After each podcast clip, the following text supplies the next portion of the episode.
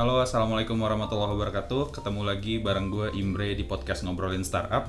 Akhirnya setelah lebaran yang panjang, libur lebaran yang panjang, akhirnya kita bisa kembali bikin konten. Nah, kali ini di episode kali ini gue gue kedatangan seorang tamu yang spesial, eh, rekan kerja gue yang mau cerita tentang gimana sih pengalaman dia di data team di sebuah perusahaan salah satu unicorn di Indonesia. Nah, orangnya adalah Randy Bambang Junior. Nah, halo Mas Ren. Halo, Imre. Selamat datang. Oke, jadi eh, sebelum kita mulai ngobrolin banyak hal tentang gimana sih cara membangun data tim, ini bakal jadi topik yang mungkin berguna banget untuk orang banyak nanti. Dan eh, kita bakal banyak bahas juga tentang teknologi-teknologi apa sih yang dibutuhkan. Ah, eh, se- sebelum kita ke sana, kita pengen kenalan dulu. Jadi Oke. kalau boleh silahkan perkenalkan diri dulu, Mas Ren. Oke, em, nama gue Randy. Em, role-nya di sini data warehouse engineering lead. Em, di sini udah lumayan lama, eh, tahun ke-6 sekarang, udah lima tahun di sini di Traveloka. Oke, itu aja sih kayaknya pengenalannya. Kalau boleh tahu data warehouse engineering lead itu eh, role yang seperti apa sih? Secara umum kira-kira seperti apa? Oke, mungkin eh, s- sedikit tentang engineering lead-nya dulu. Jadi di data team itu kan ada engineering team, kemudian ada tim-tim yang di lead oleh beberapa engineering lead. Em, ada yang lebih fokus ke streaming eh, processing dan sebagainya. Nah kalau gue fokusnya lebih ke data warehouse as a product. Makanya namanya data warehouse engineering lead. Oke, jadi lo, lo bikin data warehouse atau lo mengekspos data warehouse atau gimana sih? Ya, gue ngebikin dan nge-expose dan usernya tuh analytics dan scientist. Oke, oke, oke, oke, oke. Jadi tadi di Traveloka kira-kira udah sekitar empat tahun ya? Eh, lima. Lima tahun. Jadi eh, udah lama banget. Nah, sebenarnya banyak orang di luar sana yang pengen belajar nih eh, pengalaman dari Traveloka sendiri tentang gimana sih cara setup data team, kemudian gimana histori-historinya, lesson learn dari proses yang panjang. Lima tahun ada nggak ya data team ini kira-kira? Em, Iya, lima tahun. Nah pasti banyak lesson learn yang bisa orang pelajari. Nah boleh cerita nggak mas Ren? Dari awalnya itu dulu eh, gimana sih Traveloka yang berdiri tahun 2012 itu kemudian mulai melakukan inisiatif untuk bikin tim data kira-kira kayak gimana sih Oke, jadi gue joinnya tuh awal 2014. Nah, dari 2014 itu ketika gue join, gue ada sedikit pengalaman dari eh, eh, kerjaan sebelumnya di data warehouse. Nah, em, pas gue ke sini itu beneran ad hoc banget semuanya. Jadi eh, di sini tuh database-nya waktu 2014 semuanya Mongo, uniform semuanya Mongo. Ketika kita mau bikin report, itu kita bikin namanya kayak JavaScript gitu. Karena Mongo tuh query-nya pakai JavaScript. Jadi kita query JavaScript terus as simple as di cron dan dikirim lewat email. Jadi versi pertama banget dari data analytics tuh as simple as query ke secondary DB di production terus kirim deh lewat email gitu. Nah, dari situ terus coba kita improve karena eh, makin lama kita kan melihat kebutuhan gimana caranya nih kita bisa tahu lebih banyak terkait user behavior. Akhirnya kita bikin tracking-tracking gitu. Ya, tracking ini maksudnya kayak ketika lu melakukan action tertentu, kita coba record supaya kita bisa provide experience yang lebih bagus lah. Nah, eh, misalnya kayak ketika lu klik search atau apa, itu kita taruh ke sebuah Mongo database gitu. Tuh. Cuman lama kelamaan akhirnya dia nggak kuat gitu karena Mongo database itu ada keterbatasan juga di write throughputnya. Oke. sehingga akhirnya kita nyoba Kafka dan seterusnya dan seterusnya. Tapi intinya sih kalau dari awal itu lebih banyak ke kayak kita secara organik aja nyoba sesuatu sesuai use case. Ketika mentok kita coba cari teknologi yang bisa lebih relevan dengan uh, perubahan pada saat itu. Oke, nah itu dulu di, di MongoDB itu berarti mentok karena scale Traveloka waktu itu udah semakin gede jadinya nggak bisa lagi. Nah, set- ketika lo menemukan situasi seperti itu, apa sih yang lo lakukan setelah itu? Gimana caranya lo uh, mungkin riset tentang teknologi apa sih Iya. yang bisa lo pakai? Kayak tadi lo nyebut Kafka, apakah itu coba waktu itu kayak oh ini lagi Kafka lagi hype nih, terus yaudah kita pakai Kafka juga atau ada concern-concern lain? Oke, sebenarnya dulu tuh em, sama sekali tidak tahu apa itu Kafka sih. Jadi kayak di, cuma dikasih tahu sama Derry, CTO kita waktu itu, karena beliau dulu sempat di LinkedIn dan Kafka tuh internally dipakai di LinkedIn. Ya karena dibuat oleh orang LinkedIn juga benar ya. benar. Pas gue kasih tahu problemnya kita punya problem kayak gini. Oh ya kenapa nggak pakai Kafka aja? Mereka pakai Kafka buat ini. Jadi eh, kita berangkat dari problem statement bahwa oh throughputnya udah nggak kuat nih gitu. Dan Kafka itu sangat efisien untuk ngebuffer datanya dulu somewhere habis itu baru bisa dipakai. Akhirnya kita pakai Kafka. Jadi eh, kurang lebih kayak gitu sih waktu itu. Itu semuanya eh, teknologinya waktu itu lu maintain sendiri, manage sendiri, self manage atau gimana sih? Atau lu pakai managed service di cloud provider atau gimana? Oke. Mental startup ya, carinya yang paling murah gimana. Akhirnya, wah ini ada isi tuh, pakai isi itunya, install-install semua di sana Oh. gratisan gitu kan. Jadi kita ambil Kafka waktu itu malah Kafkanya masih beta. Jadi sangat mengambil resiko sekali. Jadi ya yolo-yolo aja dulu. Pakai eh, beta. Jadi langkah-langkahnya itu dulu gue baca dulu dokumentasinya. Eh, terus gue baca juga papernya karena penting banget untuk ngerti apa yang sebenarnya terjadi di dalam sih untuk tahu apakah ini teknologi yang tepat atau enggak dan kalau ada masalah juga high level konsep yang ada di dokumentasi dan paper itu bisa ngebantu lu untuk coba debugging dan apa. Oke, nah sampai eh, akhirnya kapan sih lo memutuskan untuk oh yaudah nih kita nggak bisa mungkin manage sendiri lagi karena bisnis kita makin grow, sementara kita selalu dihadapkan dengan permasalahan scale infra kayak Kafka mungkin manage sendiri segala macam. Eh, gimana akhirnya lo memutuskan untuk oke kayaknya kita butuh migrate ke sesuatu kayak sesuatu service di cloud kayak gitu ada kayak gitu Hmm, hmm, ada. Jadi eh, ini ada hal-hal menarik sih. Contohnya kayak orang yang ngerti banget Kafka pada saat itu tuh lagi bulan madu sempat kita tanyain ini gimana caranya nih lagi down Kafkanya gitu. Penting banget karena memang sentral banget kan posisinya. Akhirnya eh, dari situ kita mikir-mikir juga, oh ini company-nya udah lumayan besar, sudah lumayan mampu untuk mem- eh, untuk kayak eh, eh, ngelihat sesuatu yang lebih eh, yang lain gitu kan. Terus kita coba cari alternatif lain. Ada nggak sih yang bisa lebih manage gitu? Karena kalau kalau misalnya kayak gini terus kita bisa habis waktu di maintain infrastrukturnya. Akhirnya waktu itu eh, agak nyambung juga kita lagi perlu untuk nge-migrate real time pipeline kita karena satu hal. Gua agak lupa kenapanya ya. Kayaknya kalau nggak salah masalah scale juga.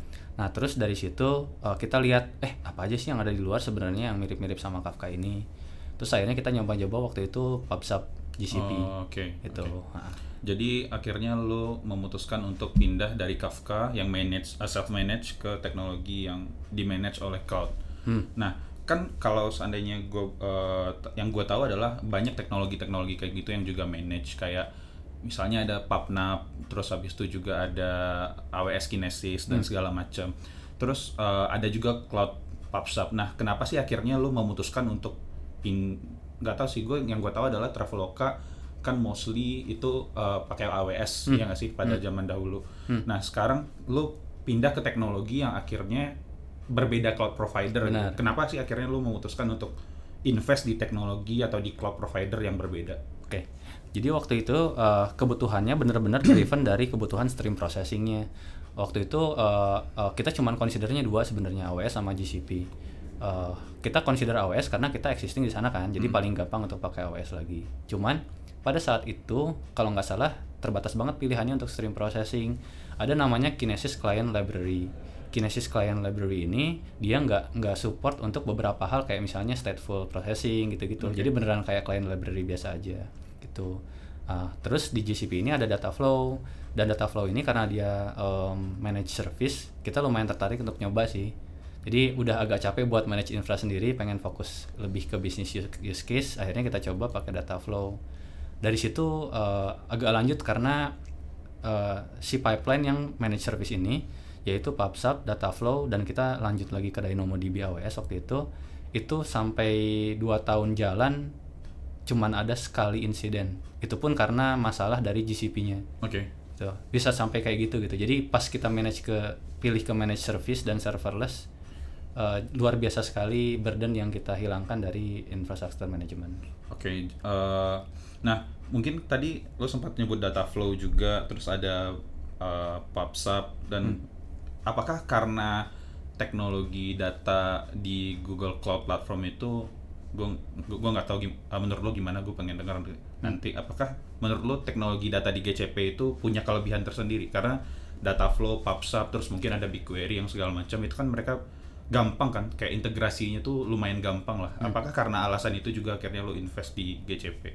Iya, kurang lebih karena itu. Jadi eh, terutama karena serverlessnya sih. Serverless. Nah, serverlessnya. Jadi gua waktu itu sama tim mikir gimana kalau kita coba as, as serverless as possible eh, supaya again bisa fokus ke bisnis use case, nggak ke infrastruktur. Terus akhirnya kita lihat apa aja opsi yang di luar dan salah satunya GCP.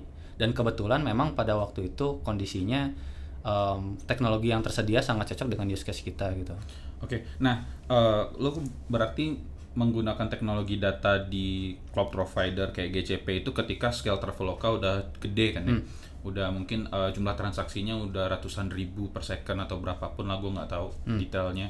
Tapi uh, kalau seandainya ada startup nih yang baru mau mulai inisiasi untuk melakukan uh, data driven organization atau se- sejenis itu, menurut lo bikin pipe data pipeline di GCP itu masuk akal nggak sih? Oh, oke. Menurut gue sih kayaknya masuk akal banget, terutama karena dia pay per use kayak. Oke. Karena pay per use itu selama kita menggunakannya misalnya gini deh. eh, kalau eh, startup baru asumsinya datanya baru awal-awal mungkin masih agak kecil ya. Karena masih agak kecil data-datanya, eh, artinya kita juga menggunakan resource yang nggak terlalu banyak. Dan itu juga translate ke eh, cost dan billing kita akhirnya jadi nggak gede juga karena datanya kecil.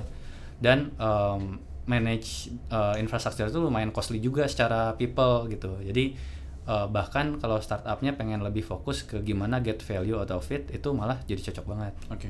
Menurut lu untuk uh, ng- mengadaptasi teknologi data di GCP ini uh, susah nggak sih? Adaptasinya, learning curve-nya segala macam. Hmm. Kalau dibanding sama open source big data itu sebenarnya jauh lebih mudah. Kenapa? Eh, karena gue ngalamin sendiri pas awal-awal zaman-zaman big data itu, lu mesti kombinasiin banyak open source dan lu mesti nyocokin versinya. Kadang-kadang lu naikin versi sini, sini nggak cocok. Lu, lu naikin versi sini, sini nggak cocok. Itu seakan-akan kayak dependensi hell di level yang agak besar. Kan kalau dependensi hell di kode itu mungkin kayak dependensi source library-nya aja. Oke. Nah ini dependensi di tools big data-nya. Nah kalau di eh, di GCP itu karena udah disambungin semuanya, kita nggak usah mikirin soal itu. I see, I see. Nah, uh, sekarang gue lanjut ke pertanyaan berikutnya. Kalau menurut lu teknologi GCP yang paling game changer ini apa sih? Kan ada banyak tuh. Hmm. Apalagi di Next kemarin diumumin banyak hal, kayak ada beberapa hal terkait BigQuery, data flow, apalagi ya Kubernetes segala macam. Dari semua teknologi di GCP ini menurut lu apa sih yang paling gila ini keren banget? Oke, kalau menurut gue sih kayaknya BigQuery ya. gue mungkin coba ngeeliminasi dulu. Kayak PubSub itu sebenarnya eh, kalau dibanding sama Kafka, Kafka punya lebih banyak feature. Eh, jadi tergantung sama kebutuhan. Kalau dari data flow itu menurut gue API-nya Spark lebih enak. Oke. sejauh ini ya buat processing. Nah kalau BigQuery itu menurut gua masih belum ada yang bisa nandingin sih. E, contohnya kalau misalnya gue bandingin sama Redshift, itu ketika gua mau join antar cluster itu sulit sekali, nggak bisa. Ketika gua ada datanya dari dua tempat tuh nggak bisa. Tapi kalau di BigQuery, tinggal lu share dataset, tiba-tiba dua-duanya bisa di join aja, asal ada di lokasi yang sama. Jadi eh, eh, gua rasa kayak beda banget dari dari apa ya? Dari ranahnya kolumnar database itu dari BigQuery sama sama kompetitor-kompetitornya. Oke. Heeh. jadi buat aspek itu kayak udah maju duluan lah. Kalau dari segi eh, kemudahan penggunaan ada perbedaan nggak sih kan? Setahu gue Redshift juga pakai SQL ya nggak sih? Kalau BigQuery kan ada SQL juga, mungkin variannya agak berbeda. Itu menurut lo ada kelebihan atau kekurangan masing-masing nggak sih? Ada sih pasti. Nah kalau uh, BigQuery itu enaknya karena lu nggak karena lu serverless, lu jadinya nggak usah nggak usah spawn cluster dulu. Uh, Lu bahkan bisa langsung query datanya. Contohnya menurut gue game changer banget buat community itu open datanya sih. Jadi di BigQuery itu ada public data gitu, public dataset yang bisa kita langsung pakai. Uh, dengan dengan public dataset tersebut kita bisa kayak query-query data-data yang tersedia secara umum gitu dan dikombine dengan data kita. Jadi uh, si serverlessnya itu game changer banget sih. Itu bisa data-data yang tadi lo sebutin itu bisa dipakai buat belajar orang yang pengen nyobain BigQuery juga ya. Kalau dari sisi pricing, menurut lo harga BigQuery ini masuk akal nggak sih? Itu agak susah karena dia sebenarnya inovator ya. Jadi nggak ada pembandingnya. Tapi kalau Redshift Spectrum AWS itu harganya sama juga tuh. Sama, Jadi kalau sama iya kayaknya Redshift ngikutin uh, har- harganya Bi- BigQuery apa gimana gitu. Cuman di bagian situnya gue nggak bisa bilang bahwa ini murah apa uh, uh, mahal. Tergantung use case banget soalnya. Tergantung use case dan tergantung value yang lo hasilkan Benar, dari exactly. Nah kalau case gua dulu gua pindah dari sebuah in memory database untuk real time SQL gua, gua pindahin ke BigQuery, itu gua bisa saving kayak 80% of the cost gitu. Jadi untuk use case itu kebetulan cocok banget pakai BigQuery dan gue bisa save cost sampai 80%. Gokil 80% tuh gede banget ya. Iya. Duit semua ya. nah, eh, jadi kan kita udah bahas nih tentang ken- kenapa sih GCP untuk startup itu eh, masuk akal, kemudian teknologi GCP apa yang menurut lo game changer banget. Nah, sekarang gue punya pertanyaan nih, mungkin untuk orang-orang di luar sana yang lagi ngebangun data tim. Jadi kemarin gue ketemu seseorang dari sebuah startup, terus dia juga cerita ke gue kalau uh, dia tertarik untuk mendalami data engineer lebih jauh. Dan kebetulan di kantor dia yang sekarang dia lagi mencoba untuk bikin data pipeline. Dan uh, di scale startup dia sekarang uh, kalau menurut gua early to mid startup kali ya dia udah mencoba untuk adaptasi teknologi-teknologi tadi kayak BigQuery. Gue nggak tahu apakah dia pakai data flow juga tapi yang jelas kemarin dia sempat nyinggung BigQuery berarti gue assume dia udah mulai pakai BigQuery. Nah kalau menurut lo uh, lo punya saran nggak sih untuk orang-orang di luar sana uh, gimana sih cara memulai cara uh, lesson learn lo yang paling lo rasakan untuk memulai data memulai membangun data tim dan data pipeline di sebuah perusahaan? Gimana cara startnya? Oke, kalau startnya eh, gua rasa konteksnya masing-masing beda- bakal beda banget ya. Tapi eh, satu yang menurut gua rule yang kalau gua ulangin gue pengen lebih jauh lebih baik itu adalah lebih banyak ngobrol sama orang-orang yang sudah pernah punya pengalaman. Oke. Kenapa? Karena mereka bisa tahu di state ini kira-kira kita butuhnya kayak apa sih gitu. Oh di state ini gue butuhnya yang sampai sejauh ini. Jangan sampai kita terlalu di awal terlalu banyak naruh sesuatu yang memang hype driven banget, terus ujung-ujungnya nggak deliver value gitu. Malah lebih ribet ke ngurusin open source-nya yang banyak. Terus oh ini yang penting pakai ini ini ini terus list list teknologinya kita pakai tapi value-nya apa gitu. Iya, kan. iya. Jadi kalau misalnya memang baru mulai itu lebih banyak nanya-nanya teman-teman yang lebih yang yang udah sempat kerjain itu juga itu bakal jauh lebih ngebantu sih. Oke, eh, kalau menurut lo tempat bertanya terbaik eh, itu gimana sih? Kalau pengalaman lo dulu ketika ngerjain data pipeline, membangun data tim, lo nanya ke mana sih dulu? Ada nggak sih nanya ke komunitas atau orang yang lebih berpengalaman? Iya, gua gua coba banyak hal. Gua nanya ke komunitas, gua nanya orang-orang yang gua rasa bisa dicari pengalamannya. Cuman waktu itu memang isunya agak beda karena itu agak early banget sih. Jadi eh, startup juga lagi baru-baru banget gitu kan. Orang-orang juga belum banyak pakai big data teknologi. Jadi kita agak sendirian gitulah, sedih. Kalau sekarang sih udah banyak eh, ra- eh, ini ya wadahnya. Mungkin ada kalau di Google ada GDG gitu kan Iya. di um, Kubernetes juga sekarang udah ada bahkan kan. Jadi gua rasa itu bisa banget dimanfaatkan untuk teman-teman nyari orang-orang yang sudah berpengalaman. Oke, sip. Nah, gue punya satu pertanyaan lagi masih terkait tentang eh, data. Jadi kemarin itu gue sempat ngejawab pertanyaan tentang how to be data engineer. Hmm. Dan kebetulan kayaknya pertanyaan ini eh, menarik banget ya sampai jawaban gue Oke. tuh banyak yang nge-up di Quora. Nah, itu dari versi gue, gue ngejelasin beberapa hal. Nah, kalau menurut lu ada nggak sih uh, learning path yang menurut lu oke untuk jadi orang data? Apakah itu data engineer, data science, atau data architect, atau data warehouse architect kayak yang lu bilang tadi? Oke. Jadi kalau data engineering, gue paling bisa jawabnya yang data engineering ya. Yang lain nggak ngerti gue. Oke, oke, nggak apa-apa. Jadi kalau data engineering itu sebenarnya eh, ada dua hal sih, teknologi sama eh, data modeling. Kalau gue menurut gue ya.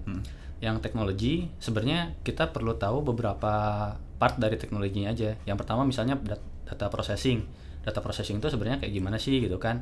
Apa aja opsi teknologinya, plus minusnya apa? File sistemnya, kemudian message queue-nya kayak Kafka atau PubSub, kolumnar database-nya itu apa aja dan database-database lain kayak NoSQL, Graph dan sebagainya. Itu Oke. dari sisi teknis. Oke. Nah, kalau dari sisi data modeling itu lebih ke kayak nyari eh, ngerti bisnis konteks dan ngerti juga gimana caranya nge-model konteks tersebut menjadi dimensional model. I see. Itu bo- boleh dijelasin nggak eh, dengan contoh lah kira-kira? Boleh, boleh. Nah, eh, jadi data modeling itu gimana caranya kita bisa nge-provide data di dengan dalam bentuk yang enak buat dipakai. Intinya kayak gitu Oleh aja. data analis Oleh data analis dan data scientist Oke. gitu. Gimana eh, eh, gampang dipakainya itu karena dia intuitif gitu. Nah, dimensional model ini salah satu cara doang sebenarnya. Mungkin ada cara-cara lain. Dimensional model itu berangkat dari point of view sederhana ketika orang bertanya terkait sebuah data, which Oke. is business question-nya apa Oke. gitu. What, why, where, when gitu.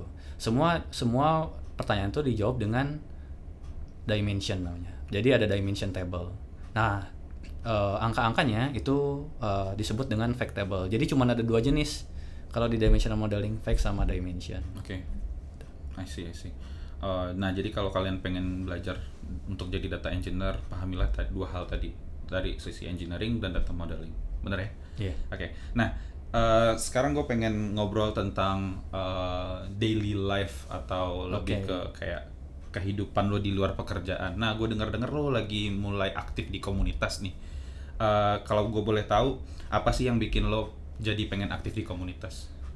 Oke, em, ini sebenarnya terkait refleksi gue sih. Jadi eh, karena gue Mei Mei kemarin kalau nggak salah nginjak lima tahun di Traveloka gue mikir-mikir sebenarnya kontribu kontribusi gue ke uh, luar tuh udah kayak apa sih gitu dan ternyata minim banget. Minim banget. Jadi ya mungkin gue sering uh, ada ada beberapa talk di beberapa tempat tapi menurut gue impactnya mungkin agak ya udah sebatas itu aja gitu kan. Jadi gue uh, merasa uh, gue pengen lebih aktif lagi gue punya target pribadi kayak blogging setiap berapa lama gitu kan dan sebagainya. Gitu sih.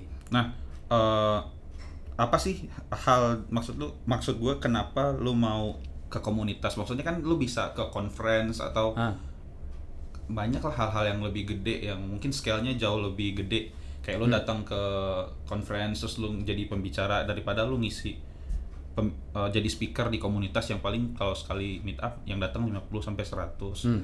Terus eh, mostly mungkin yang datang itu adalah orang yang pengen tahu sementara kan lebih banyak nih lo ngasih ke orang nih tapi kalau seandainya lo datang conference gede kan apa ya lo bisa dap- belajar juga dari orang-orang mungkin expert yang datang di sana kenapa sih komunitas gua gua gua pengen ini sih pengen ningkatin kualitinya sih Re. jadi Oh, oke. eh, kalau misalnya gue bisa eh, lebih dekat ke orang yang jumlahnya lebih sedikit gue bisa ngasih impact yang lebih gue rasa I see, I see, I see. Gue setuju. Gue selalu ingat uh, pesan gue waktu di interview LPDP dulu.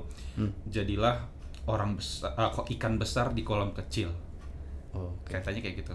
Ya nggak tahu sih gue apa benar apa enggak. Tapi bagus sih menurut gue itu emang bener sih kalau lu pengen ngasih impact lebih. Menurut gue emang berikanlah ke orang-orang yang ada dalam cakupan yang lebih kecil. Karena itu bakal impactful juga sih. Uh, itu sih yang gue rasain selama ini. Malah jadi curhat. Nah, jadi, nah, gue pengen tahu juga nih, Mas Ren, kalau eh, lu suka baca buku nggak sih? Nah suka suka. Kalau ten- buku terkait data yang bisa lo kasih rekomendasi ke kita, ada nggak?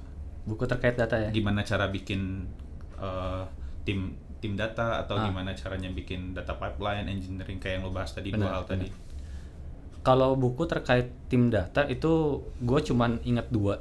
Yang pertama tuh eh, data intensive design and application. Itu yang di ditulisnya sama Martin Klapman itu satu yang sisi technical yang kedua itu dimensional modeling eh, by Kimball Oke.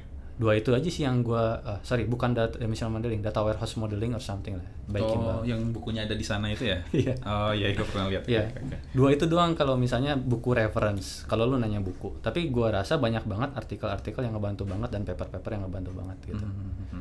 Kalau selain buku tentang data atau teknologi, lo doyan baca buku apa sih? Eh, Tentang kehidupan gitu atau leadership atau apa gitu? iya sih leadership sih. Karena gue berangkatnya as an engineer ya. One of the challenge when when you lead right after you become an engineer itu adalah banyak hal. Kayak misalnya lu biasanya ngomong detail, tiba-tiba lu mesti agak sedikit high level. Oh, lu jangan micromanage dan Ya, hal-hal ya, ya, seperti ya, ya. itu. Itu itu hal-hal yang gue mesti pelajari cepat supaya gue nggak bikin tim suffer. Iya Jadi itu ah, banyak banget sih baca buku kayak gitu. Nah tadi lo sempat mention sebuah link, iya nggak Hmm. sih? Lo pengen share link tentang how to be data engineer juga, iya nggak sih? Oh iya iya. Jadi nanti linknya bakal ada di deskripsi podcast gue, jadi lo lihat aja di uh, deskripsi podcast gue, insya Allah nanti gue taruh di sana. Nah, terus uh, satu pertanyaan terakhir nih, Hmm. Wah, personal target setelah ini kalau boleh tahu apa sih? Lo apa yang lagi lo kejar? Oke. Uh, personally atau gue nggak tahu apakah ya terserah lo lah. Oke, personally ya. Kalau personally sih gue lebih pengen banyak nulis sih. Hmm, Jadi ya gue lebih pengen banyak nulis. Lo ada blog? Ada. Sekalian lah promo promo. blog lo apa? Tapi baru mulai. Nggak apa-apa. Eh, namanya randyistyping.com. randystyping.com nanti gue taruh juga di deskripsi. Oke. Asik. Itu lo pengen nulis tentang apa aja sih? Eh, kebanyakan mungkin data engineering sama leadership. Jadi kayak lebih apa yang gue temukan, apa yang gue rasakan, apa yang gue pikirkan, gue mau taruh situ. Itu lo akan mencoba untuk konsisten Yap. in, uh, maksud gue seberapa banyak yang Oh. akan lo tulis dalam seminggu atau sebulan atau lo ada target nggak? Ada sih regular per minggu. Regular per minggu. Ada hari khusus gitu? Eh, mungkin kalau sub, eh, ininya eh, publishnya Selasa kali. Selasa ya. Iya. Jadi kalau di podcast gue, gue rencananya juga akan uh, nge uh, ngerilis podcast gue tiap hari Selasa. Oke. Jadi makanya kita interview sekarang hari Senin. Jadi uh, Deadlineer wala- banget ya? Walaupun susah sih karena lo udah nyobain sekali, terus habis itu lo harus mencoba konsisten. Kalau gue target gue uh, paling banyak sekali seminggu paling dikit tuh sekali dua minggu. Tapi Oke. karena libur lebaran kemarin mungkin agak kacau juga, tapi it's okay lah. Oke. Yang penting kontribut ya. Yoi. Nah, lo ada ini nggak? Ada pesan-pesan nggak untuk nggak tahu sih untuk anak-anak muda yang kerja di IT? Hmm. eh, lo ada pesan nggak sih? Maksud Oke. mungkin lo bisa pesan, ngasih pesan untuk adik-adik kita yang baru lulus dari universitas, Hmm. gimana cara mereka menemukan eh, karir yang benar-benar mereka idamkan? Karena kalau menurut gua, gua ngeliat lo, lo passionate, ba- passionate banget dengan hal-hal kayak Data data, gitu ya. sampai akhirnya lo bisa sejauh ini dan lo udah bisa bikin uh, tim data Traveloka yang segokil ini. Hmm. Nah, lo ada saran nggak sih untuk adik-adik kita? Ada sih ada. Jadi ini ini ini menarik banget karena dua minggu lalu gue baru baca buku terkait ini. Oke. Itu namanya apa ya? How How to be so good that you can't be ignored. Jadi sebenarnya kuncinya kalau lu pengen nemuin apa yang lu senengin tuh bukan lu cari dulu apa yang lu seneng terus lu kerjain. Tapi lu berusaha sebaik mungkin berdasarkan opportunity yang sekarang ada di depan lu. Waktu gua lulus itu gua nggak ngerti sama sekali tentang data. Cuman kebetulan ketika gua lulus, ah, gua ada di project data warehouse gitu aja. Oke. Terus lanjut diajakin dari ke sini, gue lanjut lagi data dan seterusnya dan seterusnya. Jadi senang karena karena apa? Karena gue berusaha keras banget untuk ngertiin ini gimana caranya gue uh, bisa nge-deliver apa yang terbaik. Oke. Gitu. Anjir, gue baru kali ini denger saran kayak gini luar biasa banget. Eh, terima kasih Mas Ren. Oke deh. Dari gue itu aja. Eh, mudah-mudahan buat teman-teman di luar yang ngedengerin ini eh, banyak ilmu bermanfaat yang bisa diambil untuk diri sendiri ataupun untuk perusahaannya. Semoga yang eh, kita obrolin kali ini baik-baik semua lah ya. Iya. Amin. Eh, itu aja dari gue. Seperti biasa, kalau lu punya komen atau feedback, lu bisa langsung komen eh, di Twitter, mention gue @imrenagi. Dan kalau seandainya lu pengen nonton video-video tutorial yang gue bikin di YouTube, langsung juga ke channel gue Imrenagi. Asik. Gue selalu promo di terakhir. Bagus bagus. Jadi, jadi itu aja. Eh, Makasih yang udah dengerin sampai habis. Eh, next time kita bakal ngobrol dengan pembicara dan topik yang gak kalah serunya. Jadi jangan lupa follow terus podcast ngobrolin startup dan teknologi. Sampai ketemu lagi di episode berikutnya. Assalamualaikum warahmatullahi wabarakatuh. Assalamualaikum warahmatullahi wabarakatuh.